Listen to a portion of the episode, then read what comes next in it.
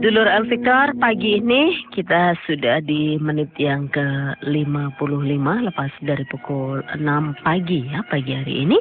Ada saya Nikma Aziz. Bersama saya Helma Ansari Dulur.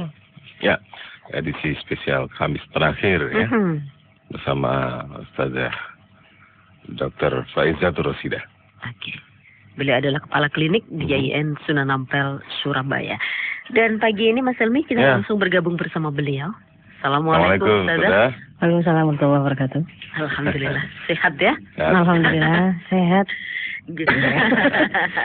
Iya. Ustazah di bulan Hmm. Ramadan kemarin eh, ada eh, satu bahasan yang cukup menarik bagaimana Islam menyelesaikan kemiskinan gitu ya persoalan-persoalan itu. Nah Bagaimanapun ini, kalau kita ingin bahas itu tetap nggak akan bisa selesai secara tuntas kalau dalam Iya. satu jam Oh, betul. eh, talk show ya. Ah, iya iya betul Mm-mm. sekali. Artinya suatu saat bisa di follow up kembali ya. Iya, Dan pagi ini yang akan kita bahas Mas Helmi Mhm. eh, persoalan-persoalan yang sudah mengejala di masyarakat kita Ya, tentang apa itu? tentang korupsi. Wah, itu. Kita kita punya sebuah ketakutan yang luar biasa Mhm. kalau korupsi ini menjadi sebuah budaya gitu. ya. Mhm. Mm-mm. Ustazah, eh, Islam bagaimana sih sebenarnya Islam menyelesaikan tentang persoalan-persoalan terutama di sini adalah menyelesaikan persoalan korupsi. Mm-mm. Kok seolah-olah selama ini ini kebal begitu ya dengan hukum-hukum gitu ya sampai kemudian akhirnya menggejala sampai seperti ini. Monggo Hmm. Iya. Jadi yang pertama kalau dari sisi fakta saya kira ini ya apa para pendengar juga sudah pintar sudah Iya. tahu karena sudah jadi makanan sehari-hari pemberitaan hari ini. Kalau yang korupsi ini ini sebenarnya bukan barang baru tapi akan selalu berulang, akan selalu berulang karena memang akarnya tidak pernah tersentuh secara apa terselesaikan dari akarnya begitu ya. Mhm. Jadi kalau kita mau bicara bagaimana Islam menyelesaikan korupsi, mungkin ini adalah sebuah penawaran baru. Apa yang kemudian nanti akan kita sampaikan pasti hanya berupa konsep, Hmm. karena kok akan terasa, oh berarti akan bisa terselesaikan korupsi itu kalau konsep itu diterapkan. Mhm. Jadi jangan sampai eh, para pendengar ini kemudian, lah kok kalau sekarang memang pemimpinnya Islam, rakyatnya juga mayoritas Islam, kok kemudian tidak selesai-selesai, misal begitu ya. Ya, padahal kan di Islam sudah ada itu penyelesaiannya konsepnya.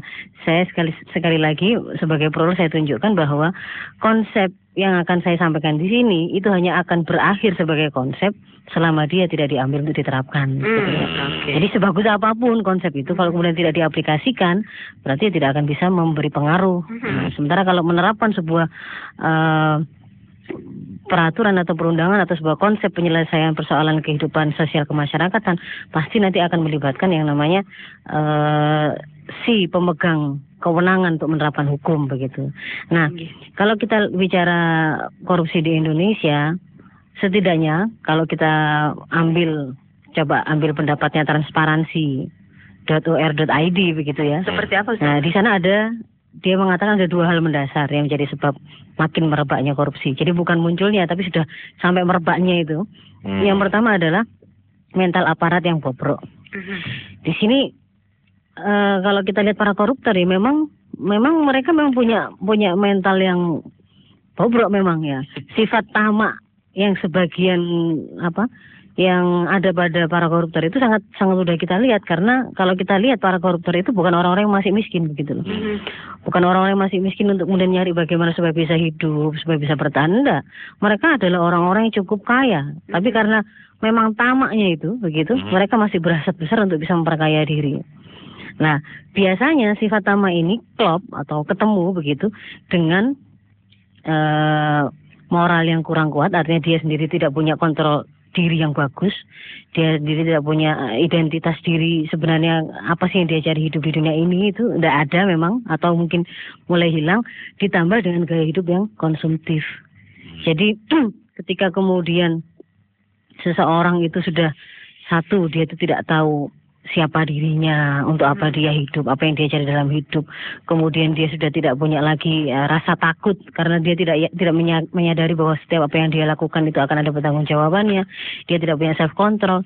Kemudian di ketemu dengan atmosfer eh, kapitalisme yang mengajari untuk menilai segala sesuatu itu lebih ke arah materinya kan begitu.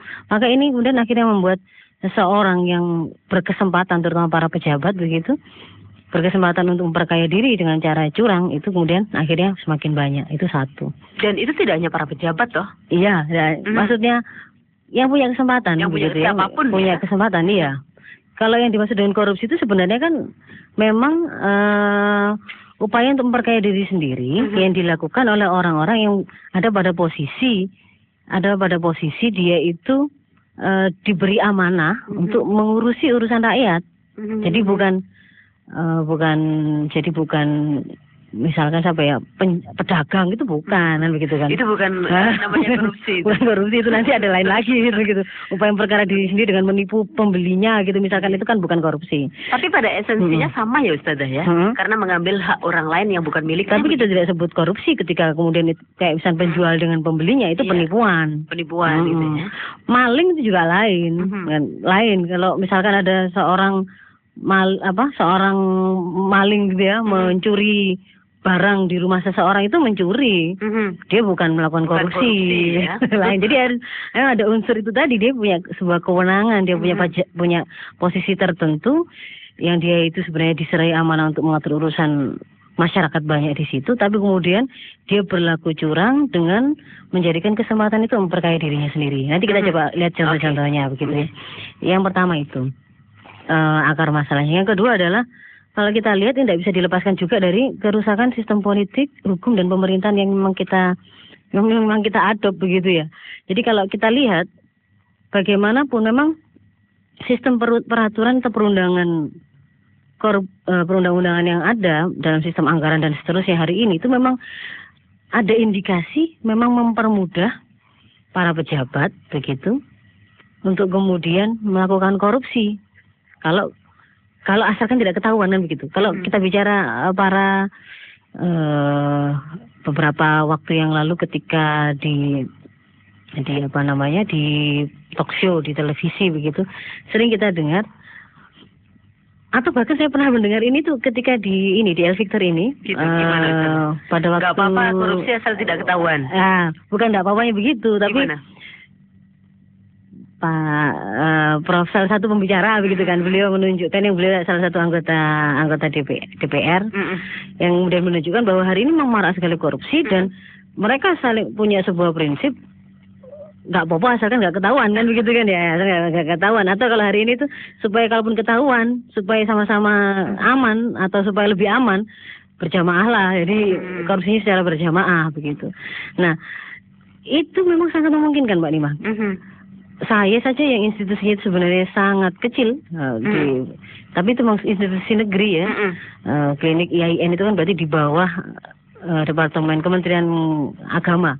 Seandainya kemudian seandainya kita menginginkan untuk curang itu bisa saja sangat mudah sebenarnya. Artinya saya melihat itu kesempatan itu luar biasa. kesempatan itu sangat mudah. Hmm, sangat karena mudah. yang dibaca misalkan oleh eh ah, antara hasil audit BPK Mm-mm.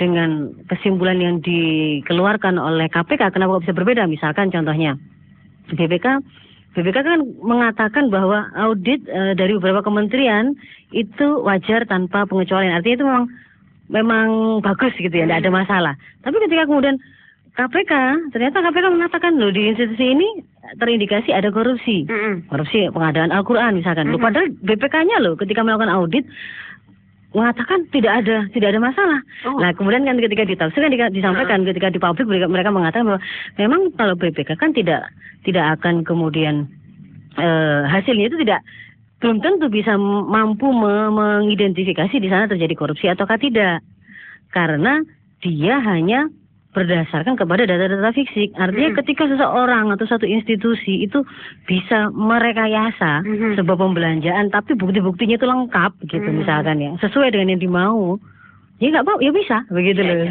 Artinya ada yang lebih canggih itu ya. Iya bisa. Ada yang gitu. lebih canggih. Nah, dan itu memang kenapa kok masih masih dimungkinkan ya? Karena yang diminta oleh peraturannya cuma begitu saja. Misalkan perjalanan dinas. Nah, Mhm. Meskipun tidak melakukan perjalanan dinas itu, misalkan ini ya, Mhm.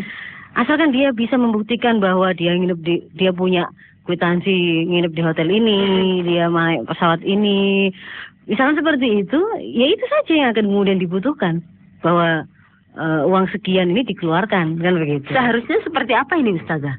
Misalkan contoh yang sangat sederhana tadi misalkan disampaikan Ustazah. Ya, kalau kita mau menyelesaikan ini tadi ya jangan dilihat satu cabangnya begitu. Mhm. Ini tadi kan sebuah saya me- menyebutkan contoh itu untuk menunjukkan bahwa memang ada ada celah begitu, Mm-mm. ada kekurangan pada sistem hukum politik maupun pemerintahan kita. Jadi masih sangat sederhana begitu. Iya, itu kan saya ambil yang paling cowok abang itu Iya, iya. levelnya mungkin ya kecil itu sebenarnya kalau dari dari sisi apa eh, dibandingkan dengan korupsi yang dilakukan hari ini yang Hmm. kasus-kasus besar yang muncul. Bisa jadi itu, tapi terjadi, tapi sebenarnya itu juga sebuah sebuah kecurangan itu kalau Mhm. seperti itu. Pada level-level tertentu mungkin hal seperti ini banyak juga sudah mulai banyak begitu. Iya, terlepas dari konsep Mm-mm. ini ya Ustaz ya, konsep Islam yang ditawarkan seharusnya pemerintah itu Tapi dalam- kita belum membahas loh ya. Betul, betul. Ah, Kita belum sana loh ya. Kita baru masuk ke akar masalah. Di antara yang pertama tadi memang secara personal mentalnya Mm-mm. seperti itu dan seterusnya. Yang kedua dari sistem hukumnya. Mhm. Ah, ah, tapi apakah kemudian berarti setiap hari ini semua eh, pejabat negara atau pegawai negeri misalkan berarti korup? Ya belum tentu. Iya tidak. Karena ketika seandainya kemudian sistem di luarnya itu bobrok, kalau kemudian dia memiliki self control yang kuat, akhirnya dia menjadi orang yang akan menarik diri Mhm. dari eh, Dari eh, dari dari sistem tersebut. tersebut. dan itu menjadi sebuah alienasi atau anomali begitu loh. Itu sebuah keanehan sebenarnya bukan jadi bukan begini loh. Hari ini orang itu eh diproduksi oleh sistem gitu, oleh sistem kapitalisme yang sekuler yang tidak mengenal halal haram. Sekuler kan memisahkan agama dari kehidupan. Dan kapitalis itu kan artinya memang menjadikan materi uang itu sebagai penentu. Mhm. Itu memang akan mencetak secara massal orang-orang yang punya prinsip matre gitu memang. Mhm. Lihat lihat materi itu memang sesuatu yang dianggap itulah kemuliaan yang tertinggi. Mhm. Itu akan terproduksi secara massal. Tapi kalau kemudian ada orang enggak itu ini orang ini enggak kemudian menjadikan dunia itu seperti tujuannya. Ini enggak. Dia justru kelihatan sekali kalau yang namanya bersodako menginfakkan itu gede gede-gedean begitu. Itu gimana? Padahal faktanya hari ini seperti itu. Nah, itu kan sesuatu yang sifatnya anomali, Oh. bukan pasti dia menjadi orang yang seperti itu itu dengan sebuah dengan sebuah upaya yang struggle untuk tidak ikut arus yang sedang menjadi mainstream kan begitu. Dan itu Kalau mainstreamnya itu artinya kalau kita diem saja katut itu pasti akan jadi seperti yang saya cer- ceritakan di depan. Mhm. Tapi kalau kemudian kita berusaha bertahan, enggak saya tidak mau katut itu. Nah, itu kan berarti sebuah sebuah kekhususan begitu Mbak Nima. Betul. Maksud saya begitu. Eh, Hmm? Ya, Ustazah. Tapi terus kemudian eh, apa ya? Kalau kemudian kita bicara tentang persoalan-persoalan seperti itu, ini nampaknya sudah betul-betul apa ya pinter gitu loh ya. Hmm. Kita katakan pinter. Karena orang yang sudah melakukan pelanggaran-pelanggaran ini, tetapi ketaatan dalam eh, melakukan beribadah itu pun juga akan tetap dilakukan. Jadi Nah, seimbang. betul itu namanya sekuler itu itu. Sekuler itu bukan ateis ya. Mhm. Sekuler itu bukan orang tidak beragama. Mhm. Tapi agama itu dimasukkan dalam kotak Mhm. yang meng- mengatur atau mengurusi urusan ritual saja. Sholat Oke. di masjid tempatnya, eh, haji, puasa. Tapi ketika kemudian dia keluar dari masjid, di masjid atau sholat ditutup auratnya. Ketika keluar bisa naik semua itu roknya ke atas, yang atas ke bawah. gitu. Kena angin. Ah, atas nama profesionalisme. Iya. Jadi ditinggalkan tadi itu bahwa batasan aurat bagi wanita yang harusnya tertutup semua ditinggalkan ketika berprofesi. Ketika dia eh, apa namanya haji, ikut daftar haji, ikut ngantri.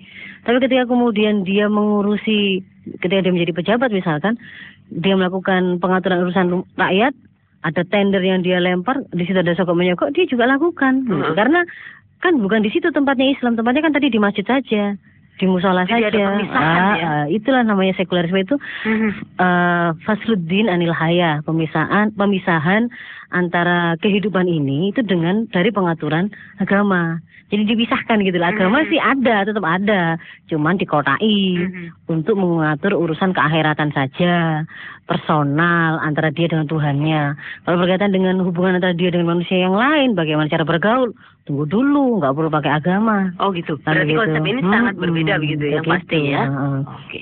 Nah, saya tunjukkan lagi yang saya maksudkan dengan adanya kerusakan sistem politik, hukum dan pemerintahan. Jadi selain yang pertama tadi, memang memang peraturan itu ada banyak lemah, ada kelemahan, ada celah untuk kemudian Mhm. kita bisa melakukan para pejabat itu bisa melakukan korupsi. Yang kedua, misalnya dari sistem hukumnya, saat ketika kemudian mereka tersangkut misalnya perkara pidana korupsi, lalu kemudian diproses begitu, itu juga kita juga bisa melihat bagaimana akhirnya mereka ada kalanya itu bisa lolos kan begitu kan ya kalaupun kemudian terhukum itu ternyata eh, harta itu sudah diamankan Mhm. ataupun kemudian mereka dihukum sanksinya sangat ringan kita bisa melihat kasus Artalita Suryani misalnya Mhm. sudah cuma dua tahun dia ketika di penjara ternyata itu dia membangun istana sendiri di sana.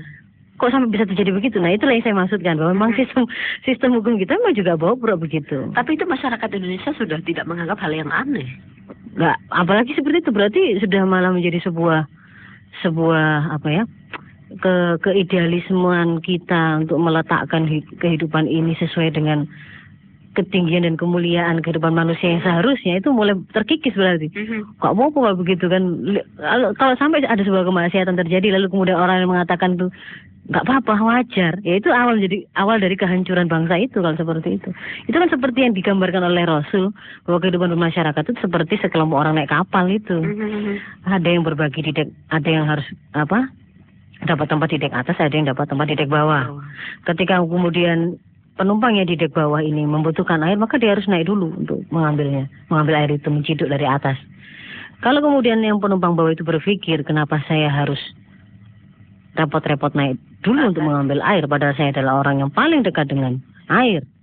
Sekali saya- eh, selain itu juga mungkin akan merepotkan orang yang ada di atas kalau saya terus terusan ke atas. Kenapa tidak saya bangi saja tempat saya sendiri? Tahu tempat-tempat saya sendiri. Ya kan begitu? Hmm. tahu tempat-tempat saya sendiri. Maka Rasul kan tidak kemudian mengatakan salahnya itu si yang melubangi begitu ya.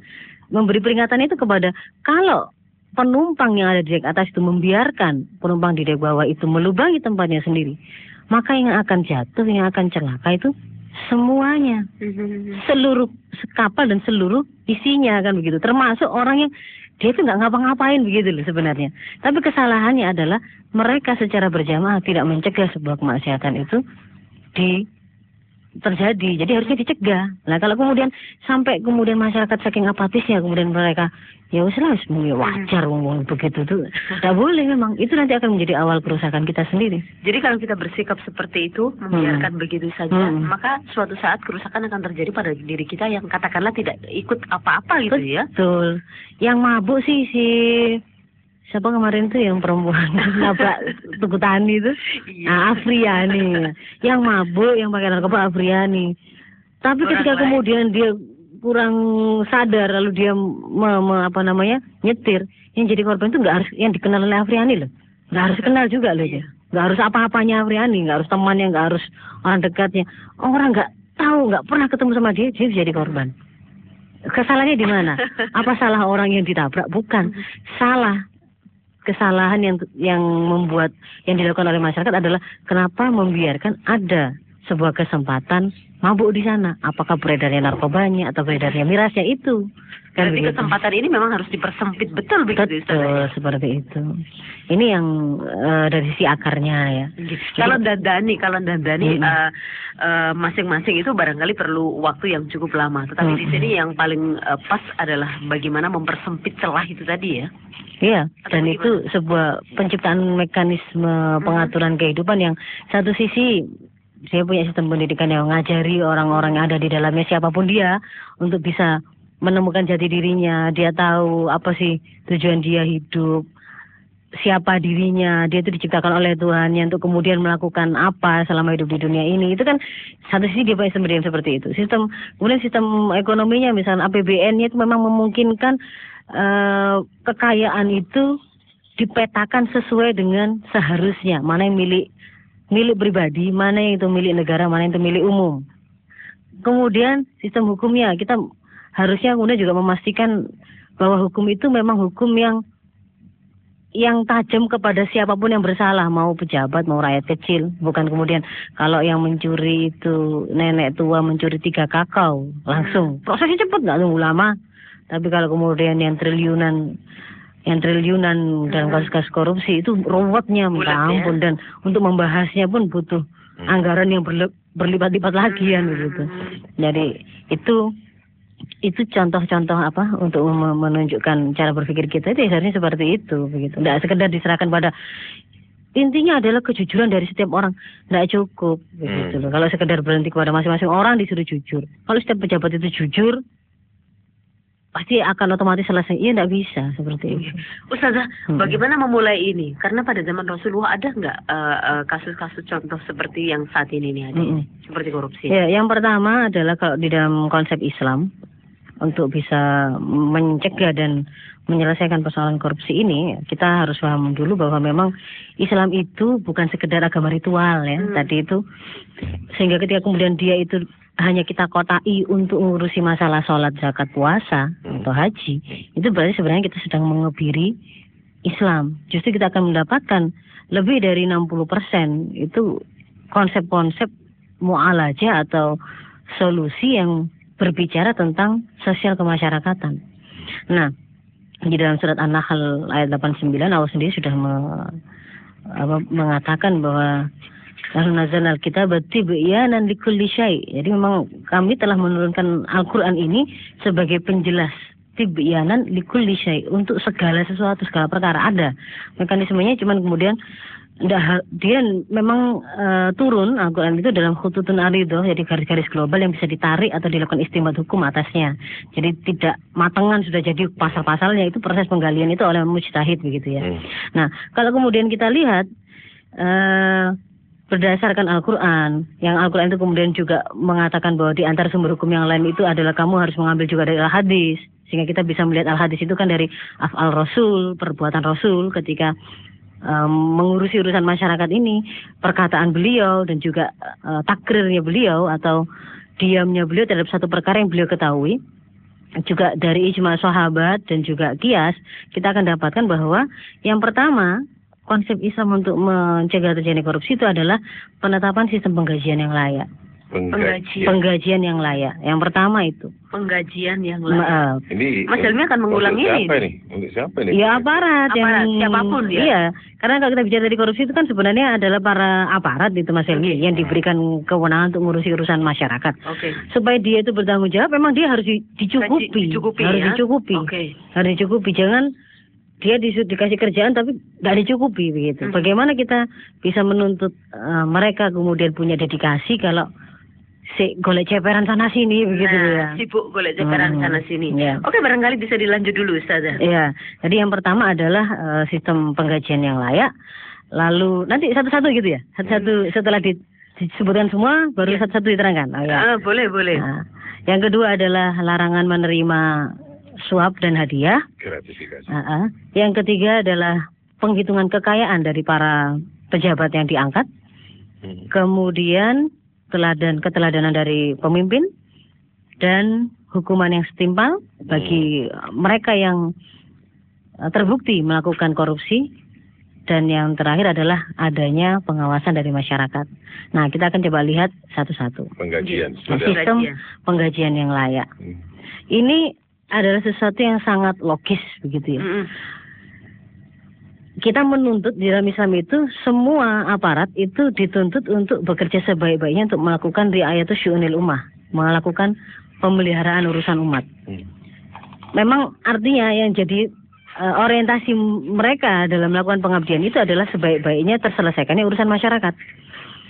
Itu hanya akan bisa berjalan dengan baik kalau gaji mereka dicukupi. Karena mau harus kita akui para birokrat pun itu adalah manusia. Mhm. Mereka juga punya kebutuhan hidup, dia juga punya kewajiban untuk memberikan nafkah pada keluarganya.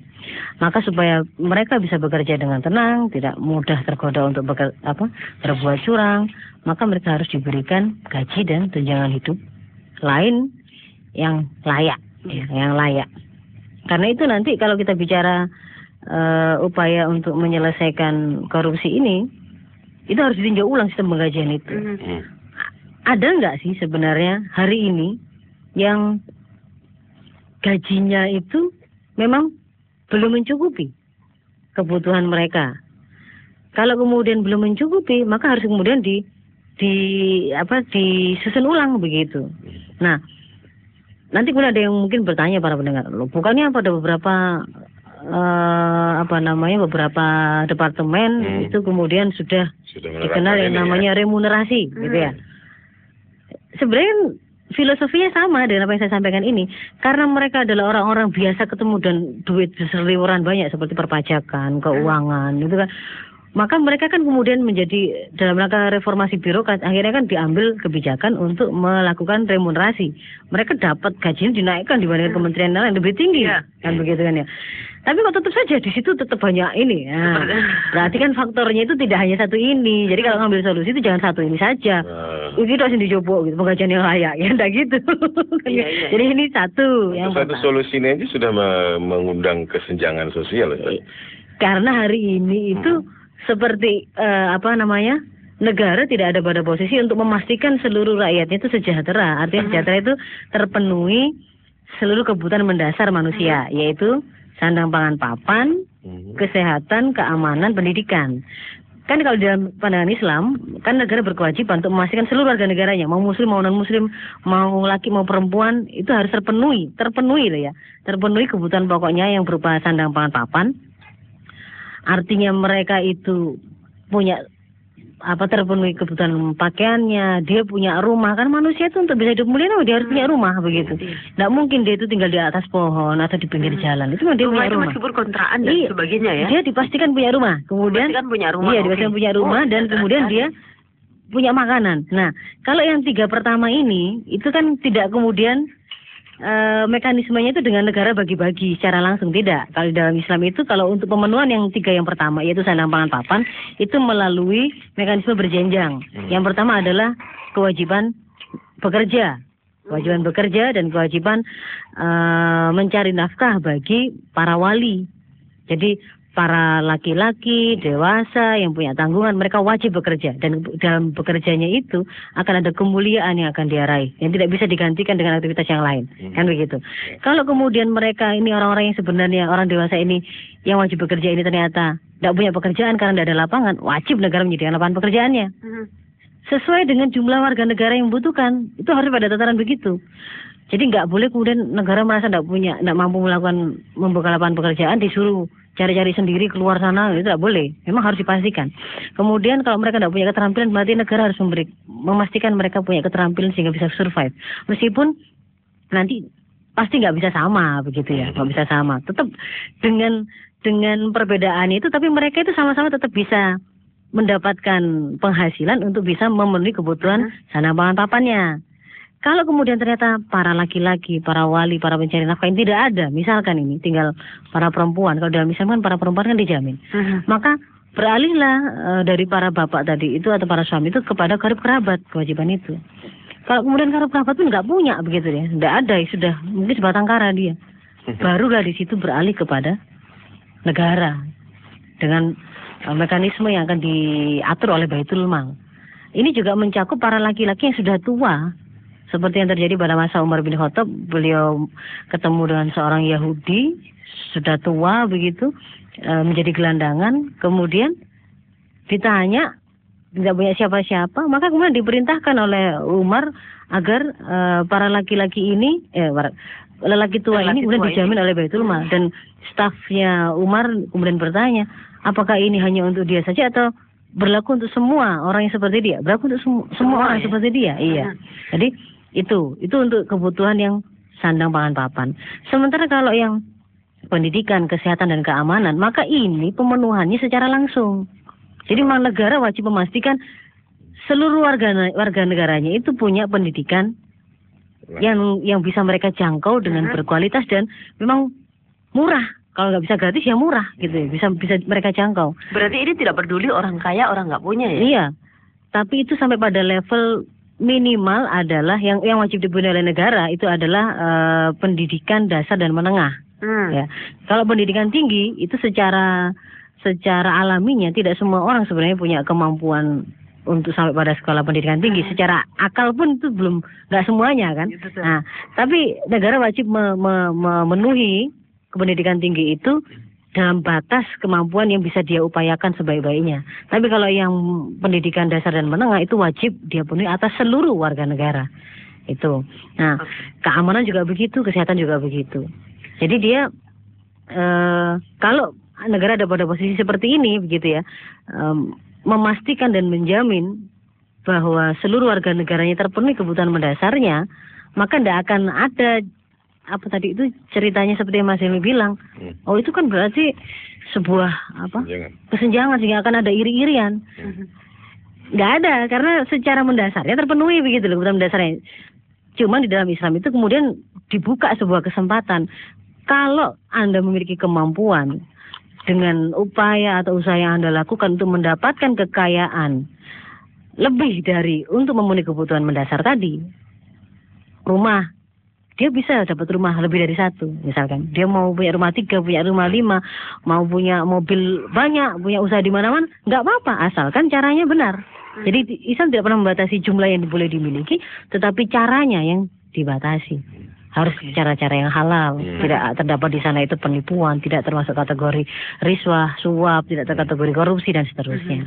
Ustazah, jadi Hmm. ada enam poin tadi yang disampaikan Hmm. Ustazah ini adalah eh, solusi yang ditawarkan gitu Tidak orang Islam. ya. Ya, yang kedua yang hari ini, yang hari ini mungkin agak jarang di uh, di sistem lain mungkin jarang ini ya. Larangan menerima suap dan hadiah bagi para Hmm. aparat. Hadiah pun nggak boleh ya. Ya. Hadiah itu, filosofi Oh, hadiah itu Hmm. sebenarnya adalah untuk orang-orang yang melakukan suatu prestasi tertentu. Namanya hadiah, gitu sebenarnya. Eh, Jadi kalau kemudian hadiah itu diberikan kepada seseorang karena jabatannya, itu tidak boleh. Misalkan hakim, dia men, di dalam Islam itu larangan bagi seorang hakim menerima hadiah dari orang yang perkaranya sedang dia putuskan. Kan begitu, sedang dia putuskan. Kalau kemudian tidak tidak dalam kondisi dia sedang memutuskan perkara orang yang bersangkutan, ya boleh. Itu sudah nyerempet-nyerempet itu ya. Benar-benar jadi memang celah itu sejak awal itu ditutup begitu. Termasuk ketika eh, Rasul pernah me, apa namanya menyuruh Abdullah bin Rawaha begitu ya ke ngurusi hasil bumi Khaybar. hmm.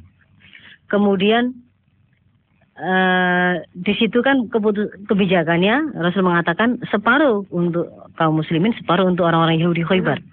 Lalu orang-orang Yahudi Khaybar di sana kan ada yang mulai menyogok si Hmm. Abdullah bin Rawaha ini. Jadi dia disogok dengan perhiasan. Abdullah bin Rawaha, salah satu aparat yang dikirim oleh Rasul ke sana itu mengatakan dengan tegas bahwa laknat Allah terhadap eh, apa namanya bukan bukan begitu. Beliau mengatakan bahwa apa yang kamu berikan ini ini adalah sesuatu yang haram dan Allah sangat membencinya. Dan eh, Yahudi Khaybar ketika mendengar jawaban itu itu justru iya ya karena itulah memang karena keadilan Islam itulah bumi ini tetap dan bumi dan langit ini tetap tegak. Gitu. Jadi mereka nggak bisa melihat gitu loh, nggak bisa melihat ketegasannya. Kalau nggak gara-gara kayak begini ini ya memang bisa runtuh memang. Tapi karena orang-orang ini kemudian mau tetap tegas memisahkan kalau memang ini adalah amanah yang saya terima, saya diberikan tugas untuk apa ya saya harus tetap lakukan itu. Dan pada kisah yang lain ketika kemudian ada yang eh, diminta untuk ngurusi zakat, lalu kembali kepada Rasul mengatakan ini Rasul zakatnya, ini untuk anda, artinya ini untuk ini adalah harta negara yang kemarin di- disuruh mengumpulkan itu, yang ini adalah hadiah untuk saya. Kan dia mengatakan begitu. Lalu Rasul mengatakan, kok enggak kamu duduk-duduk saja di rumah tunggu hadiah itu sampai ke kami. Sampai ke rumah. Artinya kamu itu dapat hadiah itu gara-gara kamu itu saya beri sebuah amanah Hmm. kan begitu saya beri kamu sebuah jabatan sebagai pengurus zakat. Hmm. Andai kata nggak di Seandainya kamu tidak saya kasih itu. jabatan itu sebenarnya kamu tidak akan dapat hadiah gitu loh. Hmm. Ya, ya, jadi seperti itu itu logikanya. gitu. Kalau orang udah, loh inilah hadiah untuk saya, wong orang yang ngasih tuh memberitahu ini hadiah untuk saya. Yang dulu dulu di Nek kamu tuh bukan siapa-siapa, duduk-duduk saja di rumah, tungguin hadiah itu datang. Teko apa enggak? Nah, Nah enggak ya berarti itu bukan hadiah yang harusnya kamu Mhm. boleh terima gitu. Jadi harus secara jeli kalau Nah, begitu ya. itu, Iya, tegas memang. Masa Tadi, ada tadi ada penggajian yang layak, larangan menerima suap atau hadiah. Eh. Kemudian ada penghitungan kekayaan, ada keteladanan, ada hukuman, ada pengawasan. Ini kira-kira kira-kira di Indonesia kan memang sudah ada ini, diterapkan ini ya. Penggajian sudah layak. Mana, tadi seperti yang saya contohkan tadi. layak, layak begitu ya, layak untuk ini. Tetapi tidak ada kesejahteraan secara utuh kan tidak seperti itu. Tapi layak untuk ini, layak untuk Sebenarnya kalau kemudian layak itu ya Mbak Nima ya. Heeh. Jadi kan gambar idealnya itu harusnya, gambar idealnya ini ya, Hmm. seluruh warga negara, mau siapa pun dia, mau pejabat bukan pejabat, dia untuk kebutuhan mendasar terpenuhi. Yang saya sebut Mm-mm. tadi enam, Iya, itu betul. terpenuhi semua. Tapi dengan apa namanya situasinya nanti itu dengan beragamnya orang dan kemampuan mereka untuk bekerja, asalkan mereka menempuh dengan cara yang benar, bisa jadi mereka masih bervariasi. Ada yang sangat kaya, ada yang kemudian pas-pasan, tapi terpenuhi kebutuhan mendasarnya tadi, gitu ya. Hmm. Ada yang ya itu akan terlihat begitu, tapi tidak akan se, se- apa seperti sekarang ini bahwa kekayaan negara Afrika itu kalau dikumpulkan masih kalah dengan kekayaan lima perusahaan besar dunia misalkan. Itu kan hari ini terjadi begitu loh. Perusahaan bisa lebih kaya dari negara. Padahal sebenarnya tidak ada cerita begitu itu. Nah, jadi kalau kemudian eh, dikatakan hari ini penggajian sudah layak, Kok belum. ya? belum tentu. Belum. Belum tentu Mbak Rima. Iya, karena layak itu harusnya itu berarti kan memenuhi yang standar tadi semua itu. Hari ini Mhm. bisa bisa terpenuhi yang eh, kebutuhan mendasar itu Hmm. sehingga kemudian dia itu bisa saya pada tataran tenang untuk berpikir urusan orang lain Mhm, gitu loh. mhm. Itu batasannya. Oke. Kalau Kita belum kan- begitu ya tidak bisa. Hari ini itu bahkan ketika orang ada pada posisi, posisi apa ekonomi menengah gitu ya, Mhm. menengah ke atas perbatasan lah gitu ya. Ketika dia sakit, dia bisa mendadak miskin. Dia bisa mendadak miskin, jatuh menjadi orang miskin. Mhm, Hmm. Hari ini kan begitu. mhm. Karena memang tidak ada jaminan Iya. untuk kesehatan. Seorang dosen sudah lama PNS misalkan, Mhm. katanya kan sertifikasi kan banyak besar. Iya. Ketika kemudian dia memiliki anak harus masuk kamp kuliah, Mhm, ternyata kena sistem mandiri, tidak sanggup bayarin Mbak Nima. Kena mandiri ya. Gak bisa begitu. Maksud tak ajari Dewi ini ngomong kan gak bisa juga. Ini kan saya punya banyak teman teman dosen yang kebetulan kemarin juga begitu. Uh, senam PTN ternyata nggak masuk, sudah Hmm. kuotanya kan sangat kecil. Ketika kemudian Masuk coba mandiri. nyari lagi ada tawaran masuk dengan Ah, cara mandiri. yang mandiri. Mhm. Berapa? Sebut aja nggak apa-apa, ya, ya banyak lah dari 500 juta sampai Tergantung mau ke mana kalau seperti itu katanya dosennya itu kalau seperti itu bagaimana bisa ada yang bisa sanggup seperti itu Iya. Bahkan bu ini kata direktur pendidikannya berarti atasannya lagi yang membuat Iya. kebijakan bahkan saya pun sendiri Eh. seandainya anak saya masuk sini saya tidak akan sanggup bayar itu sanggup ya. lalu kata si dosen ini lalu kalau kalau begitu itu terus aturan itu untuk siapa ya ya itu berarti untuk orang-orang yang rumahnya keleleran di mana-mana begitu kan gitu kan ya yang tadi kekayaannya lebih dari kekayaan negara itu tadi Hmm. udah sih kan gitu jadi Mhm. Artinya nanti ada monopoli juga ya. iya nggak bisa jadi jadi itu tadi sangat berkaitan dengan sistem yang lain mbak Hmm. Ya. Artinya sepenggal-sepenggal saja ya yang diterapkan oleh pemerintah Justru Indonesia kalau begitu sepenggal ya. itu akhirnya nggak selesai selesai. Kayak larangan menerima suap dan hadiah. Sebenarnya ini kan ada larangan Nah, ada kan gratifikasi. Mm-mm. Tapi apakah sama seperti ini filosofinya? Bahwa kalau ada seorang pegawai diangkat di dalam Islam ya ini ya, Mhm. seorang pegawai diangkat untuk menjadi seorang eh, aparat pemerintah yang mengatur urusan masyarakat, lalu dia diminta melakukan pekerjaan ini, ini, ini, dan untuk itu dia digaji. Maka ditetapkan kalau dia mengambil di luar itu, maka itu adalah terhitung sebagai hulul. Atau Hmm. eh, apa namanya? Hulul itu Apa itu eh, menurut apa bahasa Indonesia kecurangan. Kecurangan. Jadi jadi kalau misalkan saya eh, misalkan saya saya sudah digaji oleh negara. Misalkan Hmm. saya bekerja di satu rumah sakit untuk melayani pasien. Jam kerja saya misalnya ditetapkan jam sekian sampai sekian.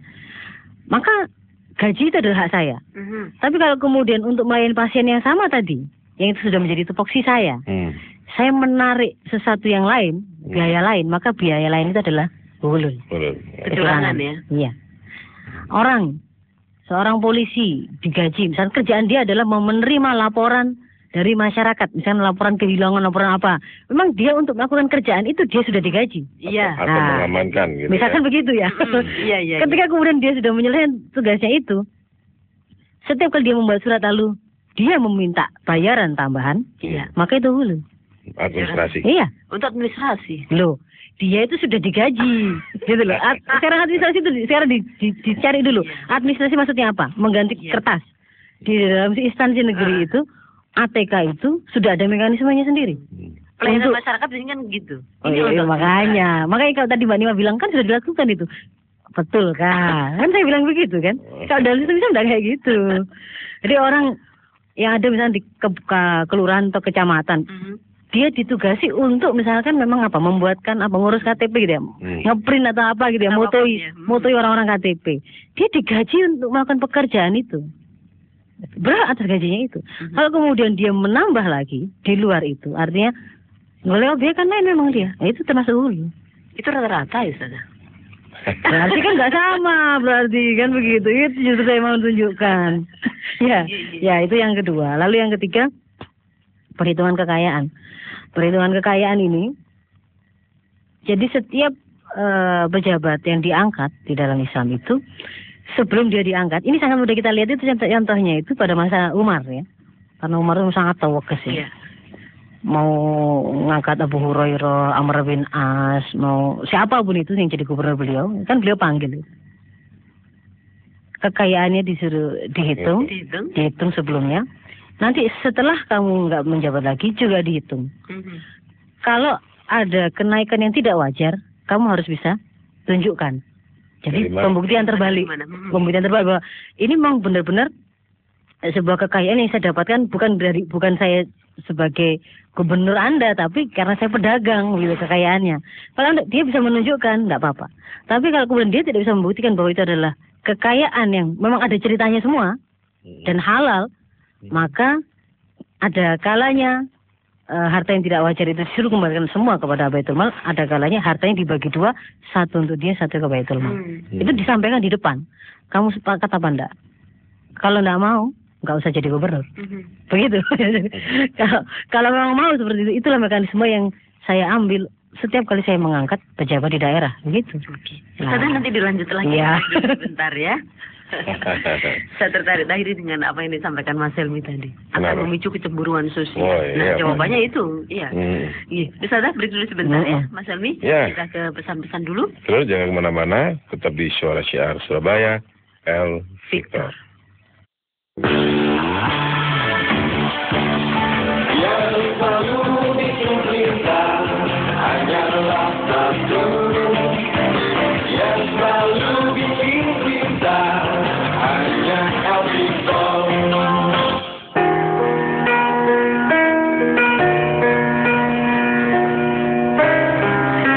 dulur kembali pagi ini kita bersama kembali di Fajar Siar El Victor, El Victor, Suara Siar Surabaya. Ya, bersama saya Helmi Ansori. Saya nikmati. Ada Dokter Faizatul Rashidah juga pagi hari ini. Dok, ini mau dilanjutkan atau kita sharing dulu? Ini- Sharing dulu, monggo. Sharing Sharing. ya. Oke. Ya. Di 93 sudah ada yang bergabung. Assalamualaikum. Waalaikumsalam. Waalaikumsalam warahmatullahi Eh, yang saya tanyakan, Iya. apakah perbedaan dan Islam saat ini dengan eh, konsep yang dibawa oleh Samuel P. Huntington, nasionalisme religius. Sebentar, sebentar. Barangkali bisa diulang Pak Musafi. Apakah perbedaan dari konsep pemerintahan Islami atau khilafah tadi dengan apa yang disebut dengan nasionalisme religius? Yang kedua, dapat mengatakan bahwa di dalam Al-Quran maupun Nasional itu tidak disebutkan sistem pemerintahan secara khas milik Islam. Jadi apa yang disebut tadi sebagai produk dari pemikiran akta agamaan. Apakah seperti itu logikanya? Yang ketiga, bagaimana cara-cara tetap yang kalau kita ingin mewujudkan pemerintahan yang Islami atau khilafah di Indonesia, sementara yang dianut di Indonesia adalah nasionalisme sekuler. Ustaz. Iya. Waalaikumsalam warahmatullahi wabarakatuh ya dari Pak Musafi ada tiga poin tadi yang ditanyakan Eh, langsung dijawab atau kita langsung dulu untuk bergabung yang di 8419393 dijawab dulu Kalau, saya. kalau ada lagi monggo. Oke di ya. 93 dulu Assalamualaikum Assalamualaikum. Waalaikumsalam wabarakatuh. dengan Bapak Dari Bapak Sul. Pak Pak Sul. Nggih, monggo Ya, Pak Sul. Assalamualaikum, pada Waalaikumsalam eh, mau tanya saja atau pandangan Ustaz saja ya. Sejauh mana eh, sekarang di potret masyarakat itu mulai kalangan bawah sampai atas Ustaz. Mm-mm. Jadi kenyataannya yang namanya eh, suap itu sudah banyak sekali lah. Jadi mungkin kalau di lapangan saya tahu Iya. mulai dari pengurusan KPP sampai Hmm. pada, izin-izin yang Oh, sampai di iya. atas. oh apa pun ya Iya, itu sudah banyak. Kalau tidak uang itu nggak akan bisa keluar. Iya Ada Hmm. terutama ada izin khusus. berarti kita harus Kecuali nunggu pada antri ya waktu masal itu tidak Mhm. masalah. Tidak berani mereka. Seperti masal KTP itu ya umum nggak apa-apa. iya iya iya. Tapi ketertentu pada orang-orang yang punya uang masih Mhm. menjalankan seperti itu.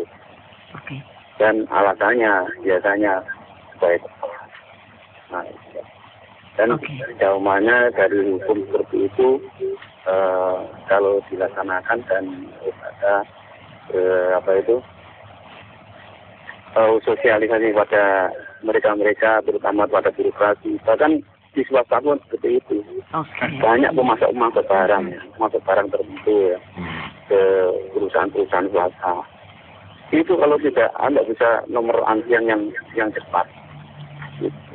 jadi tolong kalau bisa turun ke bawah biar tahu Iya.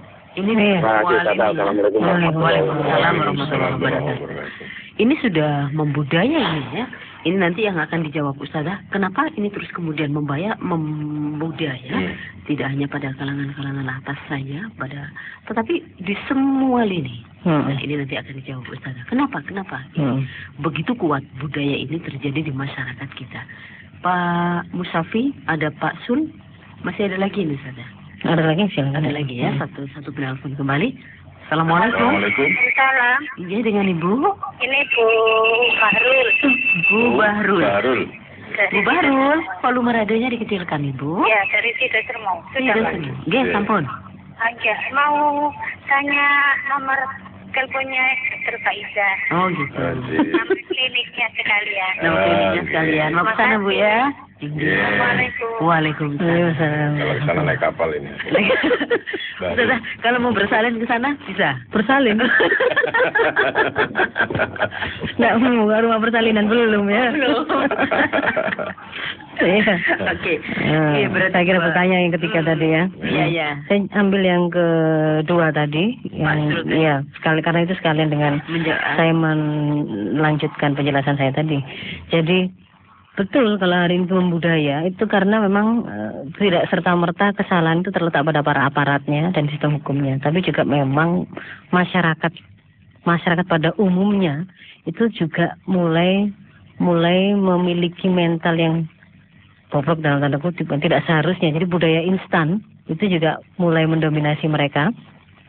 Kalau kita bicara eh, seorang muslim yang paham bahwa dia seharusnya tidak menyogok menyogok aparat, maka yang akan dia lakukan itu dia akan menempuh prosedur eh, pengurusan yang seharusnya dia jalani kan begitu.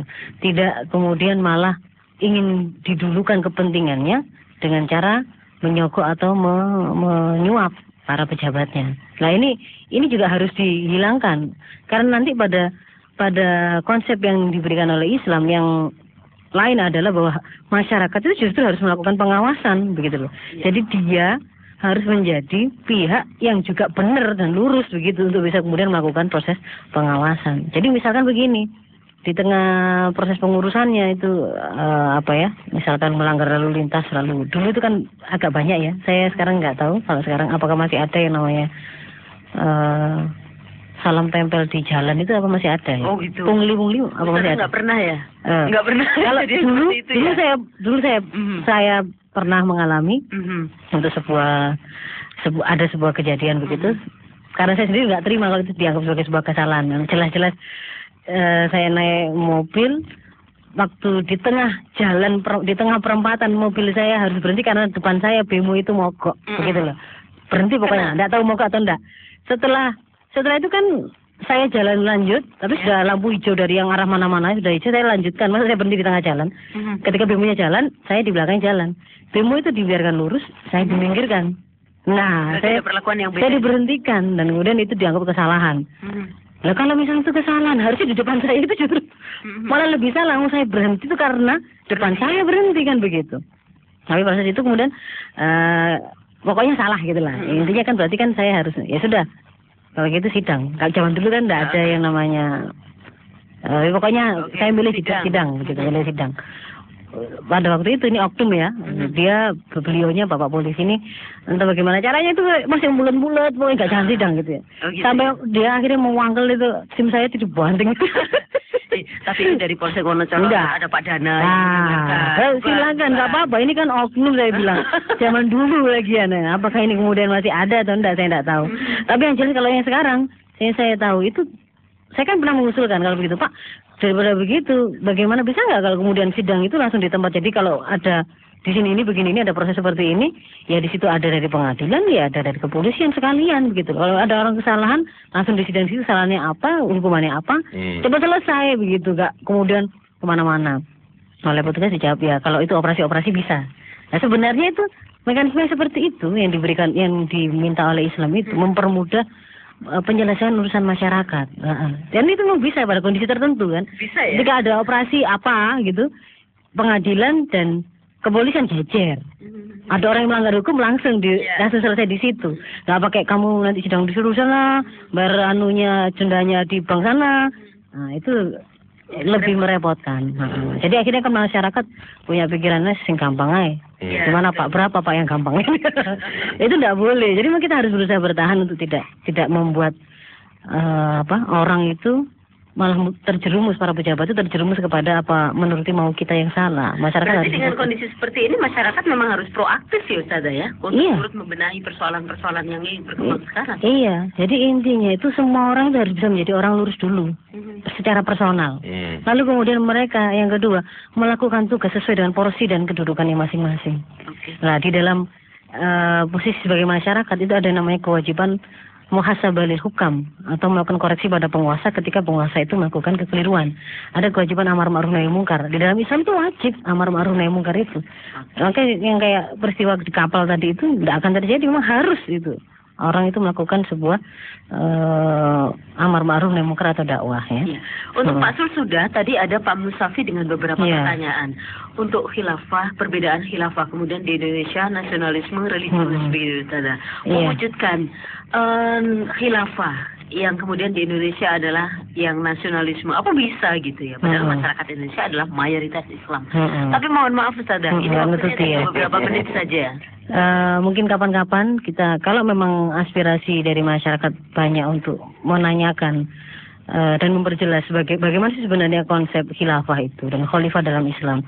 Kemarin kan di Ramadan itu sempat diputar mbak lima film yang mungkin yang sebelumnya masyarakat banyak itu tidak pernah mungkin membaca sejarah khalifah. Iya. Di situ ada filmnya Khalifah Umar bin Khattab. Oh, iya. Iya. Satu bulan penuh dan memang kemudian itu digambarkan betul bagaimana ketika Tegasnya. Eh, ini ketika Khalifah itu ngatur pasar gitu ya. Hmm. Pasar itu kemudian supaya terjadi apa namanya sebuah mekanisme pasar yang sehat itu nggak ada nggak ada kecurangan di sana. Bagaimana kemudian beliau mengangkat kode hisbah. Di situ kan akhirnya orang bisa oh berarti memang benar Islam itu tidak hanya masalah ritual ya. Urusan dagangan juga ada begitu. Kemudian bagaimana ketika terjadi pacekli orang berdatangan, kemudian memobilisir dana dari Mesir, dari Yordan, dari ini. Itu itu penggambaran khalifah yang mungkin orang pada umumnya sebelumnya itu tidak pernah baca. Oh ternyata wilayahnya bukan RT ya. Nah kalau hari ini Mesir, Yordan, Oman itu kan negara-negara negara-negara sendiri gitu loh. Semuanya itu di bawah kepemimpinan eh, Khalifah Umar yang waktu itu ada di Madinah. Ketika terjadi paceklik, terjadi kemiskinan kan, dia mereka para gubernur itu disuruh mengirimkan bantuan. Ada yang lewat kapal, ada yang lewat darat dan seterusnya. Jadi di situ mungkin orang akan melihat. Nah, penggambaran-penggambaran seperti itu bagus mungkin tapi kalau kemudian untuk konsepnya penjelasan detailnya saya kira memang nggak nyukupi waktu kita hari ini kapan-kapan saya kira untuk Pak Musafi ya Baik Ustazah, barangkali masih ada yang disampaikan? Ah, yang tadi ada dua yang belum Mhm. saya sampaikan konsep Islam yang per- yang berikutnya adalah keteladanan pemimpin. Jadi bagaimanapun juga supaya korupsi ini bisa selesai, itu memang yang ada di bujuk pimpinan. Siapa pun yang berposisi sebagai pemimpin itu harus jadi teladan. Oke. Nggak nggak kelihatan sebagai orang yang minimal itu kalau apa namanya kalau dicontohkan oleh para khalifah itu dia tidak membuka celah untuk diomongkan oleh orang. Contohnya misalkan kalau kayak Umar bin Khattab itu ketika me, apa namanya jalan-jalan kemudian di tanah padang gembalaan yang memang disediakan untuk umum oleh untuk seluruh masyarakat dia melihat ada onta yang gemuk kan? Yang ditanya itu ontanya siapa? Abdullah bin Umar. Langsung kan anaknya dipanggil. Kalau kamu itu ontamu. Kalau begitu ontamu itu jualan hasilnya masukin ke Baitul Mal. Kamu ambil pokoknya. Loh, padahal kan saya kan sama semua orang kan semua warga negara berhak untuk di situ. Iya, tapi orang akan bilang ontanya si Umar bin eh, ontanya Abdullah bin Umar lebih gemuk karena dia anaknya pejabat. Dan Umar benar-benar menjaga dari yang seperti itu kan begitu. Oh. Jadi disuruh benar-benar dijaga supaya orang nggak akan ketika mereka wafat itu para Abu Bakar, Umar kan ada orang yang membicarakannya. Jadi itu keteladanan yang terakhir adalah hukuman yang setimpal. Jadi memang harus ada hukumannya. Mm. Oke, Ustazah terima kasih banyak. Maaf, mohon maaf. Ya, Sama-sama. Mudah-mudahan bermanfaat ini ya. Iya. Iya. Bulan depan kita akan ketemu kembali Ustazah. Insya Allah. Topik yang beda. Oke, kita akhiri. Assalamualaikum Assalamualaikum warahmatullahi wabarakatuh. Waalaikumsalam. Ya, sekalian kita Harus pamit undur dulu karena memang waktu dan insya Allah besok untuk hari Jumat kita akan ketemu kembali untuk di kajian tafsir kontekstual bersama Ustaz Sumardi Lambang bersama Dr. Faizatul Rashidah. Insya Allah bulan depan kita akan ketemu kembali untuk di kajian Islam aktual. ya, mohon maaf dulu kepada yang mengirimkan SMS Ya. belum tercover untuk hari ini ya. Mohon maaf ya. Baik, saya Dan Sori. Saya Nikmah Aziz, Billahi Taufiq wal Hidayah. Assalamualaikum warahmatullahi wabarakatuh.